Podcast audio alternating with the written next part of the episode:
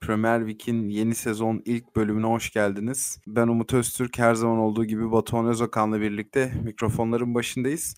Programın akışına ve yenilikleri tanıtmaya geçmeden önce ilk duyurumla başlıyorum.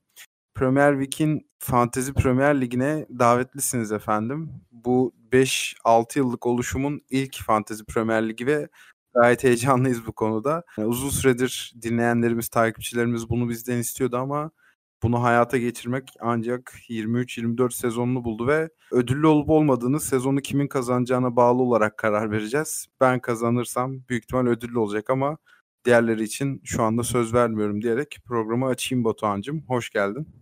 Hoş bulduk Umut. Herkese yeni sezon hayırlı uğurlu olsun. Teşekkür ederiz. Sana da öyle. Yeni sezona kanalın en öne çıkartılan içeriği olan Premier Week adıyla başlayıp Premier Cast tarafını feshetmeye karar verdik. Bilmiyorum bunda çok detaylandırılacak bir şey var mı ama işleri bir adım öteye taşımak için böyle bir yenilik kararını verdiğimizi söyleyebiliriz. Yani senle de çok uzun konuşmalar yaptık zaten mutabık kaldık bu hamleye. Yani yeni sezonun tabii ki güzellikleri beraberinde getirmesini dileyerek ilk konumuza geçelim istersen. Bu en sıcak gelişme Julen Lopetegi çok kısa bir süre sonra Wolves'a katılmasından e, kulüpten dün itibariyle ayrıldı.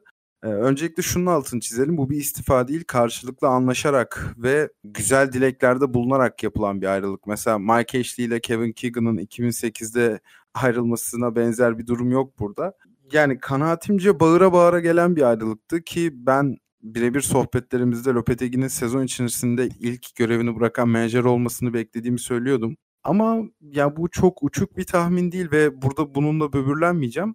Yani geçen sezonun sonundan beri bence ayak sesleri gayet duyulabilir bir ayrılıktı. Yani sana yorumunu sormadan önce bir akış çıkarttım onu paylaşmak isterim. Yani kronolojik olarak Wolves ve Lopetegui ilişkisine dair çıkan haberleri zaten derleyince ayrılığın ipuçlarını yakalayabiliyorsunuz. Mesela 11 Mayıs'ta Reuters'ta Lopetegui'nin Shah ile kadroyu geliştirmek üzere bir toplantı talep ettiği ve henüz karşılık bulmadığı haberleştirildi. Bu tabii ki Lopetegui tarafından sızdırılan bir haberdi ama ilk herhalde şikayetler burada başladı.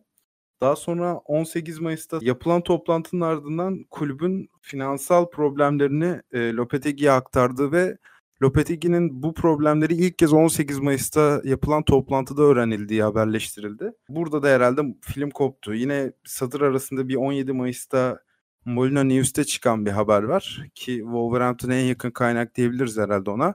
E, Lopetegui'nin Jorge Mendes ve onun bağlı olduğu şirket Gestifeud'e çok bağlı kalmamasını ve daha fazla oyuncu elde edebilmek adına genişletmesi gerektiğine vurgulayan bir ağzından çıkan cümle haberleştirildi. Başından beri aslında çok istenen bir birliktelik sonu birazcık heves kursakta bırakıcı şekilde bitti diye özetleyebiliriz herhalde.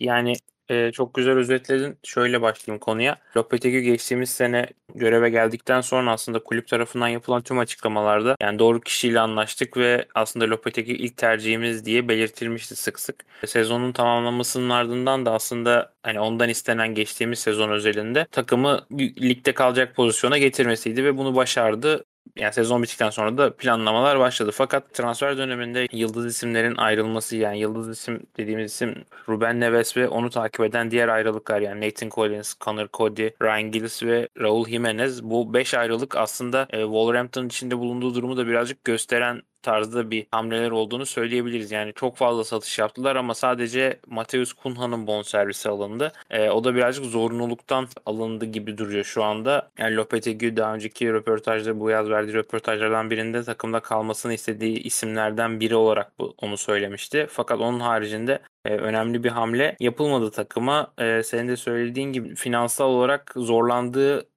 bir dönem yaşıyor şu anda Wolverhampton ve belki bunun etkisi tek bir isimle aslında çalışmalarının getirdiği dezavantajlı olabilir. Yani farklı piyasalardan, farklı liglerden, farklı bölgelerden daha ucuza daha iyi oyuncuları bulabilirler ama birazcık Jorge Mendes'in de inisiyatifine kalmış durumdalar. Birkaç okuduğum haberde Wolverhampton'ın finansal fair play olarak biraz zorlandığı ve belli riskleri taşıdığı gündeme gelmiş. Lopetegui buna rağmen yani takıma ne kadar yatırım yapılmayacağı konusunda da bir anlaşmazlık olduğu söyleniyor. Sonunda da herhalde artık zaten transfer döneminin İngiltere'de bitmesine kısa bir süre kaldı. Herhalde bu hamleleri yapamayacakları için ve Lopetegui de bu riski göze almak istemediği için takıma veda etti. Ya şöyle iki alt başlık açtın onlara değinmek isterim ben. Lopetegi geldiği zaman gerçekten ilk tercih olduğunu söylemişti yönetim kademesi ve okuduğum haberlerde bu hafta e, Lopetegi'nin aslında 2016-2017'den beri Wolverhampton'ın ilk tercih olduğunu ama Lopetegi'nin zaman içerisinde farklı dönemlerde Wolverhampton'ı reddettiği ve işte Nuno Espirito Santo'nun Bruno Lage'in vesaire gelmesinin de buna bağlı olduğunu okudum ben. Bir ikinci alt, açtığın alt başlıkta Wolverhampton'ın genel olarak finansal yaşadığı zorluklar. Atletik'in detaylı bir raporu çıktı dün Lopetegi ardından diye. Orada mesela satır arasında şöyle bir haber var. Ee, Jeff Shay önderliğindeki Fosun Grup yaklaşık bir 2-3 sezondur stadyumu geliştirmek istiyor ve bunun için dış yatırımcı arıyor ama mesela sağ içine yansımayan sağ dışında kulübün genel olarak marka değerini geliştirecek alanlarda da finansal yaşadığı zorluklar var kulübün. Sen az önce bu yaz gerçekleşen ayrılıkları saydın. Ee, orada bir iki ismi atladığını fark ettim ben de. Mesela Adama Traore de ta Espirito Santo zamanından gelen bir oyuncu ve şu anda hala kulüp bulabilmiş durumda değil. Bir de tabii ki takımın veteranı ve en çok maaş alan ismi Juan Moutinho. Tıpkı Jimenez ve Ruben Neves gibi UEFA Avrupa Ligi'ne adım atan Wolverhampton'ın çekirdeklerinden. E, onlar da kulüpten ayrıldı ve geçen sezon aslında en çarpıcı hamleleri Nathan Collins'in bu sezon çok da üst bir seviyeye çıkmadan kulüpten ayrılması yani Brentford'a gitti. Doğrudan rakibi olarak görülebilir lig hiyerarşisinde. Onlar da tabii ki problem gibi gözüküyor. It's Ruben Neves! Ruben Neves! Ruben Neves! Yani gelenlere Kunya ve Bubakar Traore geçen sezon kiralık olarak zaten Wolverhampton'da forma giymişlerdi. İkisinin bonservisi alındı ve bir de eski sağ kanat bek yine o Espirito Santo takımlarının değişilmez ilk 11 oyuncularından İspanya ziyaretinden dönen Matt Doherty tekrar kulübe katıldı. Geçen sezonu hatırlıyorum. Bu kadar kurak bir yaz getiren herhalde Leicester birebir örnek olarak sunulabilir Wolverhampton'a şu anda. Ve sezon başlamadan kısa bir süre önce e, menajerini kaybetmek tabii ki ekstra ekstra dezavantajlar da getiriyor. Bu ayrılığın bilmiyorum Wolverhampton'ın sezonuna ne gibi etkileri olmasını düşünüyorsun ki Gary O'Neill'ın ismi geçiyor şu anda ve %85-90 ihtimal sezona Gary O'Neill'la başlayacak. 6 takım haricinde artık üst sıraları zorlayacak geçtiğimiz sezonun ardından yani Brighton, Newcastle United ve yani West Ham'ı bilmiyorum ne kadar dahil edebiliriz ama Brighton ve Newcastle denklemi var şu anda elimizde. Yani Brighton'ın geçtiğimiz seneki başarıyı ne kadar sürdürebileceği tartışmalı bir konu ama sonuçta şu anda beklentinin olduğu takımlardan biri ve Aston Villa da belki buraya dahil olabilir. Şimdi aşağı yukarı 8 takımın ilk 8 için doğrudan aday olduğu bir denklemde Wolverhampton'ın belki bu takımların yani en azından Avrupa için yarışabilecek ya da belki o işte 9-10 bandında için mücadele etmesini bekliyorduk bu sezon özelinde ama bence bu değişim şu anda birazcık sezon beklentilerini ve bu takımdan aslında neyin bek ne beklememiz gerektiğini de değiştirdi. Yani şu anda bence yeni sezondaki tek hedef ligde kalıcı olmak. Başka bir şey olduğunu sanmıyorum açıkçası.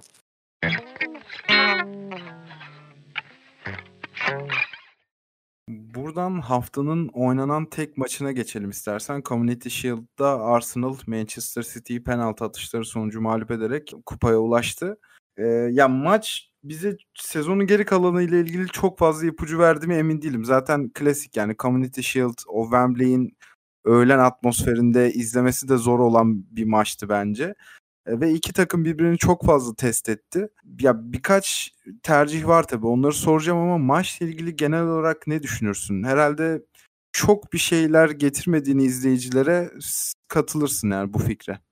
Ona katılıyorum. Yani zaten şu klişeye girmeyeceğim ama sonuçta lig başlarken hani takımlarda işte hep şeyi duyarız tüm teknik direktörlerden işte hazır değiliz yeni sezona işte bir iki hafta sonra daha hazır hale geleceğiz diye ama bence iki takım da şu an büyük ölçüde hazır ve geçtiğimiz sezonu bıraktığımız yerlerden sonuçta şu anda Chelsea, e, Manchester City'de çok büyük bir ekleme yok. E, sadece yeni transferlerden bir Kovacic oynadı. Arsenal'de birazcık farklı e, yeni transferlerden birkaçı vardı. Ona rağmen aslında bence iki takımdan hani maç özelinde o kadar bir üst düzey beklentim yoktu. Tempo ve kalite anlamında ama bence sezon öncesine bakacak olursak e, yeterli en azından izlenmeyi ya da yeterli performansı aldığımızı düşünüyorum. Ya ben bu maçı Arsenal üzerinden okumanın daha doğru olduğunu düşünüyorum. Çünkü geçen sezon Hı-hı. hatta bir önceki sezona da gidebiliriz. E, son iki sezonda oynanan 4 lig maçında Arsenal'ın e, City'ye domine edilmediği, oyun olarak domine edilmediği yalnızca bir maç var. O da 1 Ocak 2022'de oynanan Emirates'te Rodri'nin son dakika gol attığı Manchester City maçı. Onun dışında bütün eşleşmelere baktığımızda City yani seviye farkını ortaya koyup rahatlıkla skora giden bir görüntü sergilemişti ama bu maç o farkı biraz daha hissetmemize sebebiyet verdi diye düşünüyorum. Yani Arsenal bence süreç içinde Pep Guardiola'nın kendisine benzeyen yegane rakiplerinden biri yani ciddi anlamda rakiplerinden biri ve bu onları tarihsel açıdan baktığımızda da çok özel bir yere koyuyor diye düşünüyorum. Ve ya bu kadar genç takımların sezona bir kupayla başlaması zamanda Dortmund da böyleydi bazı dönemlerde onların sezon içerisindeki maratonunu da olumlu yönde etkileyebiliyor diye düşünüyorum. Yani bu maçı City'nin alması bilmiyorum City'ye ne kazandırırdı ama Arsenal'ın bu kupayı alarak sezona başlaması saha içinde ve dışında da onların kendine olan güvenlerini tazelemelerine sebebiyet verecektir diye düşünüyorum ben. Yani ona kısmen katılıyorum. Sonuçta sezonu kupayla açmak her yani basit bir kupa değil. Sonuçta lig e, Community Shield yani sezon öncesinde Arsenal'ın bir turnuvalı kazandığı bir turnuva daha var ama onun gibi bir şey değil bu tabii ki ve Community Shield kazanarak başlamak ister istemez ekstra bir motivasyon sağlar. Sonuçta yeni sezona bir direkt doğrudan rakibinizi penaltılarda da olsa mağlup edip bir kupayla başlamış oluyorsunuz ve senin de söylediğin gibi yeni kur yani yeni kurulan demeyeceğim ama artık değişimini tamamlamış takım görüntüsüne kavuştu Arsenal. Yani tüm eksikler herhalde şu anda kapandı ve artık Arsenal'dan o geçtiğimiz sezon kaybettiği şampiyonluğu belki biraz daha uzun süreli son haftalara kadar taşıyıp iyice koparması beklenecek bu sezon ki bu olmazsa herhalde yeni sez- diğer yılda e, daha farklı şeyler konuşmamız gerekecek. Dolayısıyla yeni transferlerin de eklendiği ve kupayla başlanılan bir sezon herhalde herkes için en olumlu senaryodur diye düşünüyorum. Ee, peki taktiksel olarak neler gördün sahada? Mesela City tarafından başlayalım burada. Stones aslında geçen sezonun sonundaki gibi orta sahaya artı birleyen ve top rakipteyken tekrar savunma bölgesine dönen bir görüntüde değil. Daha klasik ve geleneksel bir stoper görüntüsündeydi. Burada Arsenal'ın kurduğu ön alan baskısının da belki bir faktöriyeti vardır ama mesela Kovacic'i nasıl buldun? Kovac herhalde Gündoğan'dan doğan boşluğu doldurması için epey alışması gerekecek. Çünkü senin genel olarak aksiyon takımında o da çok fark yaratamadı ve yani zaten profil olarak da Gündoğan yerine Kovacic'i koymak belli defektleri ortaya çıkartıyor diye düşünüyorum ben. E, şu anda sezon başında yani sonuçta ilk ciddi karşılaşma diyebiliriz herhalde iki takım içinde. E, hazırlık maçlarında büyük takımlarla oynadılar ama gerçek bir rekabetçilik anlamında ilk ikisi de ilk maçını oynadı. Yani İlkay'ın ayrılığının ardından oraya Kovacic hamlesi yapıldı ve Kovacic ile aslında İlkay benzer profilde oyuncular değil. Yani pasör özellikleri evet iyi olan oyuncular ama İlkay'ın City'ye sağladığı avantajları Kovacic'in pek sağlamasını beklemiyorum yeni sezonda ve ya da diğer sezonlarda takımda kaldığı süre boyunca. Açıkçası bu, bu maçtaki izlenimim ne dersen Arsenal'ın belirli bölümlerde yaptığı o baskıyı kırmadaki e, herhalde İlkay'a göre avantaj sağlayacak tek noktası şimdilik bu gözüküyor. Yani doğru pası bulma ve daha uzun menzilli paslarda takım arkadaşlarını buluşturma Kovac için şu an en büyük artısı ve yeni sezonda belki zaman zaman bunu tercih ettiğini görebiliriz Guardiola'nın. Yani o presten çıkış ya da belki oyun kurulumunda e, Kovac için daha da derine inmesi bir çözüm olabilir. Yani insanların ilk ayın yerine Kovacic geldi aynı şeyleri yapabilecek mi beklentisi oluşması normal herkeste ama benzer bir oyuncu profillerinde olmadıkları için de sanırım Guardiola'nın yeni sezonda daha farklı çözümler bulması gerekiyor ki Mahrez de takımdan ayrıldı. Bu da en azından bir sorun gibi gözüküyor ama bence Cole Palmer eklemesi ya da Foden'ın ikinci yarıdaki o e, City'nin bulduğu gol de onun başlattığı pozisyon sonrasında gelmişti. Sanırım onların rolü de biraz daha yeni sezonu daha keskin olacaktır diye düşünüyorum. Ben bunlara bir de e, Julian Alvarez'i eklemek istiyorum. Bu maçta da yani orta sahanın ortasında oynadı ama tercih olarak sürekli Haaland'ın yanında aslında destekleyici bir forvet olarak e, sahaya sürüldü. Ya bu da aslında 4-2-4 veya 4-4-2 gibi bir sistemi çıkarttı Arsenal'a karşı. Hem topla oyundayken hem top rakipteyken. Ya ben City'nin doğan dakikaları McAtee, Palmer veya Phil Foden hatta Alvarez'e aktarmak bence kağıt üzerinde çok mantıksız değil ama muhakkak onlar da bir ekleme yapacaktır Kovac için yerine veya Kovac için backup'ına. Ama öndeki rotasyona ben henüz dokunulacağını düşünmüyorum daha fazla ki bu maçta De Bruyne de yoktu. O da herhalde City'nin hücumunu %40, %35 düşüren bir faktör. City için çok büyük okumaların hani bir panik havası yaratmanın çok bir anlamı yok. Dediğim gibi olumlu taraftan bakacak olursak Arsenal için ekstra bir motivasyon oldu. Belki City adına tek olumsuz sayılabilecek nokta doğrudan rakibin böyle bir ivme yakalayabilmesi olabilir.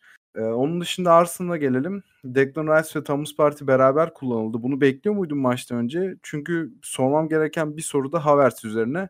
Onun da herhalde ileri uçtaki performansı seni de tatmin etmemiştir. Yok. E, Chelsea'de de tek böyle yani forvet pozisyonunda sahte 9 ya da direkt santrfor pozisyonunda oynadığında da bence çok verimli değildi. Ve sadece herhalde Tuchel döneminde birazcık verimli kullanıldığını düşünüyorum. Onun haricinde de yani Havertz'in tek başına santrafor oynadığı yani dönemler çok verim sağlamayacaktır diye düşünüyorum Arsenal adına ki bu biraz bence zorunluluktan da yapılmış bir hamleydi. Ki Gabriel Jesus'un olmadığı senaryoda doğal olarak orada oynadı. Yani çok e, radikal bir şey olabilir ama onu orta sahada izlememiz sanki Arsenal açısından daha verimli olacak diye düşünüyorum. Yani Thomas Partey ve Declan Rice sanki birbirlerinin rollerini fazla çalıyorlar gibi bir izlenim edindim maçı izlerken. Yani bir de iki tane kesiciyle oynamak benzer profilde hani Declan Rice'ın biraz daha top taşıma özelliği fazla ama ilk yarıda özellikle çok fazla geriye geldi ve oyu topu işte ileriye taşırken ya da oyunu kurarken Declan Rice üzerinden kurmak ve onu bu rolde oynatmak sanki çok doğru bir adım gibi durmuyor. Ya onlar da Thomas Partey ile sürekli rolleri değiştirdiler. Bazen top ayaktayken Partey iç oyuncusu olarak kaldı. Bazen Declan Rice geçen sezon Çaka'nın yaptığı gibi soldan derinlik verdi ama bence Rice Çaka'nın sağladığı hücum katkısını sağlayamaz. Yani böyle kesin yargılarda bulunmamak lazım. Hatta yani sen de az önce güzel özetledin. Sadece kesici olarak bir kenara atmamak lazım ama transfer amacı Thomas Partey'nin yerine geçmekti ve ya Ödegaard'ın yanına bir tane daha hücumda haşır neşir olan oyuncu eklemek Arsenal'ın hücumunun da sekteye uğramamasını e, sağlayacaktı. Ya ben de Havertz'in ileri uç performansını beğenmediğim için böyle provokatif bir soru sordum. Ve bir ismi işaret edeceğim. Aslında Arsenal kadrosunun içinde geçen sezon hem Brighton'da çok gol yükü çekti hem de Arsenal'da Jesus'un sakatlığı, Enketiyan formsuzluğundan sonra ileri uca geçen müthiş bir sahte 9 Leandro Trossard'ın dakikalarının artacağını öngörüyorum diyeyim. Now it's with Trossard. It's on his left side. Ricochets around it goes in. Arsenal have a leveler. Yani çok emin değilim ondan. Yani şimdi Havertz'i 9 numara dışında kanatlarda oynatamaz. Yani şöyle oynatamaz. Çünkü Saka ve Martinelli var elinde. Onları kesmesi kolay değil yani ya dediğim şekilde arkayı Odegaard, Rice, Havertz gibi kuracak. Bu sefer senin söylediğin gibi Trossard'ın dakikası artacak ama Odegaard ve Havertz'in olduğu bir orta sahada da Premier Lig gibi kalitesi yüksek birlikte sorun yaşamanız çok muhtemel. Ee, sanırım herhalde Arsenal'ın yeni sezonun ilk bölümünde çözmesi, Jesus'un yokluğunda çözmesi gereken en büyük sorun bu duruyor. Peki Hurrien Timber'i nasıl buldun? O da ilk maçına çıktı. Ben çok beğendim. Yani e, geçtiğimiz sene United'da istiyordu Lisandro Martinez'le birlikte onun yanına ek olarak olmamıştı. Yani istediğim oyunculardan biriydi ama e, Ars Premier Lig'e Arsenal'da geldi. E, yani tam bir joker. Maçta sol bek oynadı ama Arsenal'ın genel sezon yapısında e, umarım sol beke sıkışıp kalmaz. Onun haricinde farklı rolleri de oynayabilen bir oyuncu. Yani Arsenal'ın herhalde bu sezon yaptığı en iyi transferlerden biri yani 3 transfer var. En iyisi herhalde Timber oldu diyebiliriz. Çok fazla yeri e, yedekleyebildiği için. onlar da geçen sezon Şampiyonlar Ligi'ni alan City'ye benzer bir formasyonu şu anda kurmuş durumdalar. Onlar da geride 4 stoper biri hibrit rol içeri giren şekilde Hı-hı. oynuyor ama mesela Timber bu rolü layığıyla yapacağı zaman diğer kanattaki Ben White bence cuk oturuyor. Yani o da zaten stoper kökenli bir oyuncu olduğu için bence White'dan gelen hücum katkısından ziyade White'ı bu role büründürmek e, mesela şu anda Liverpool Andrew Robertson'da bu konuda sorun yaşıyor. Trent orada kullanırken. Arsenal'ın burada yine direkt rakiplerinden birine karşı önemli bir avantajı var. Kesinlikle yani e, Arsenal'ın geçtiğimiz seneye göre daha da iyi hale gelmesi, United'ın kısmen eksiklerini tamamlaması, City'nin zaten var olan gücünü koruması ve birkaç ekleme yapabilmesi, e, diğer takımların da olması yeni sezon için heyecan verici. Christopher Nkunku e, bir ameliyata gireceği için 14 hafta ki bu işte Aralık Ocak gibi bir süre tekabül ediyor şu anda kısa hesaplamalar yaptığım zaman. Bu süre zarfında Chelsea'de forma giyemeyecek ve herhalde Chelsea'nin orta saha artı hücumuna baktığımız zaman portföyü en geniş ve en yüksek kalibre oyuncusu hatta en önemli gol ayağı olarak kodlayabilirdik kendisini. Hatta buna bağlı olarak da ben Jackson hamlesinin yapıldığını yani inanılmaz elit bir santrafor değil de daha hazırlayıcı ve daha kendi kanıtlamaya ihtiyaç duyan bir forvet tipine gidildiğini düşünüyorum. Ama onun bu eksikliği tabii ki bütün planlamaları değiştirecektir. Yani Chelsea şu anda kurduğu kadro ve yaş ortalaması itibariyle heyecan veren bir yapıya bürünmüş durumda. Hani gerçekten Arteta'nın ilk sezonunu kopyalamak istediklerini bence bu yaz e, ilk kez hissettirdiler izleyicilere ve içerik üreticilerine.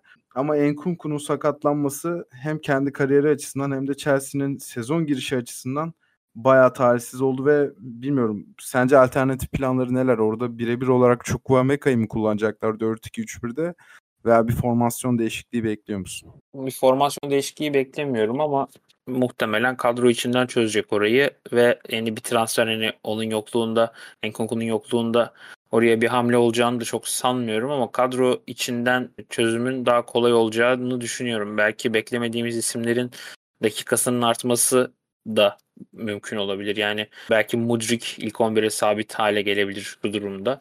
Enkunku'nun yerine. Angelo Gabriel veya Diego Moreira'nın sürpriz bir dakika alması da mümkün olabilir bu denklemde. Ama e, çok büyük bir değişikliğin olmayacağını ve herhalde Mudrik'in biraz daha süresinin artmasını bekliyorum ben Enkunku'nun yokluğunda. Yani Enkunku'nun yaşadığı talihsiz bir sakatlık oldu maalesef sezon öncesinde e, bu tarz şeyleri görmemiz mümkün oluyor. Herhalde yeni Pochettino ile başlayacak yeni dönemin e, en kilit yapı taşlarından biri olacaktı ve takım belki sırtlayacak isimlerden biri olması bekleniyordu. Ama işte o talihsiz sakatlık maalesef onu herhalde yeni yıla doğru anca görmemizi e, tam haliyle en azından e, mümkün kılacak. Ya ben de bir formasyon değişikliğinin o kadar e, halı altına süpürülmemesi gerektiğini düşünüyorum. Burada şöyle bir tercih yapılabilir.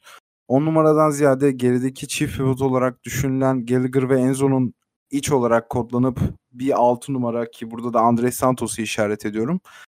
Kadroya eklenmesi o akışkan hücum futbolunu kurgulanan yapıyı bozabilir ama daha sağlam ve kaliteyi bozmayacak bir hamle olacaktır bence. Ki onun dışında geride 3 stoperli bir sistemin kurulması da çok e, muhtemel geliyor bana. Çünkü çok iyi stoper oyun stoper rotasyonu çok geniş ve çok kaliteli isimlerden oluşuyor.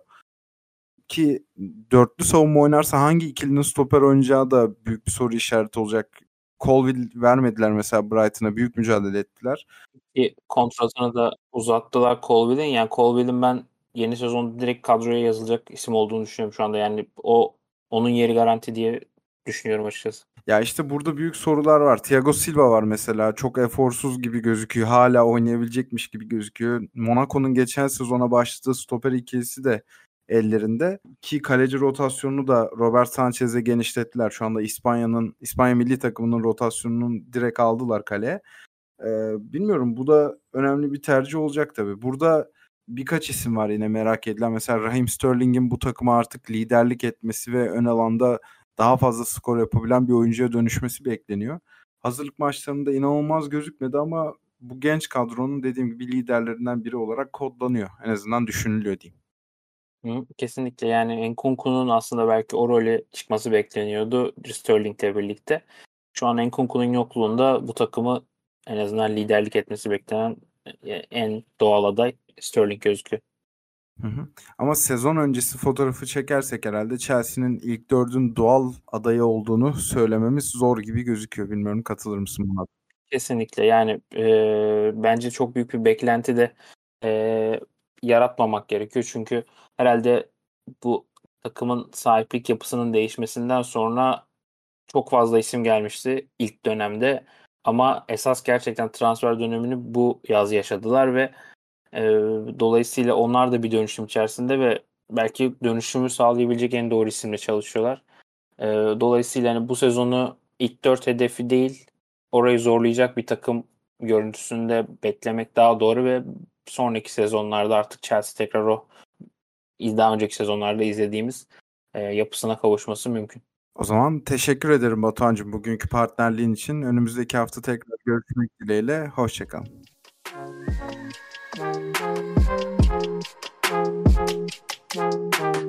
Thank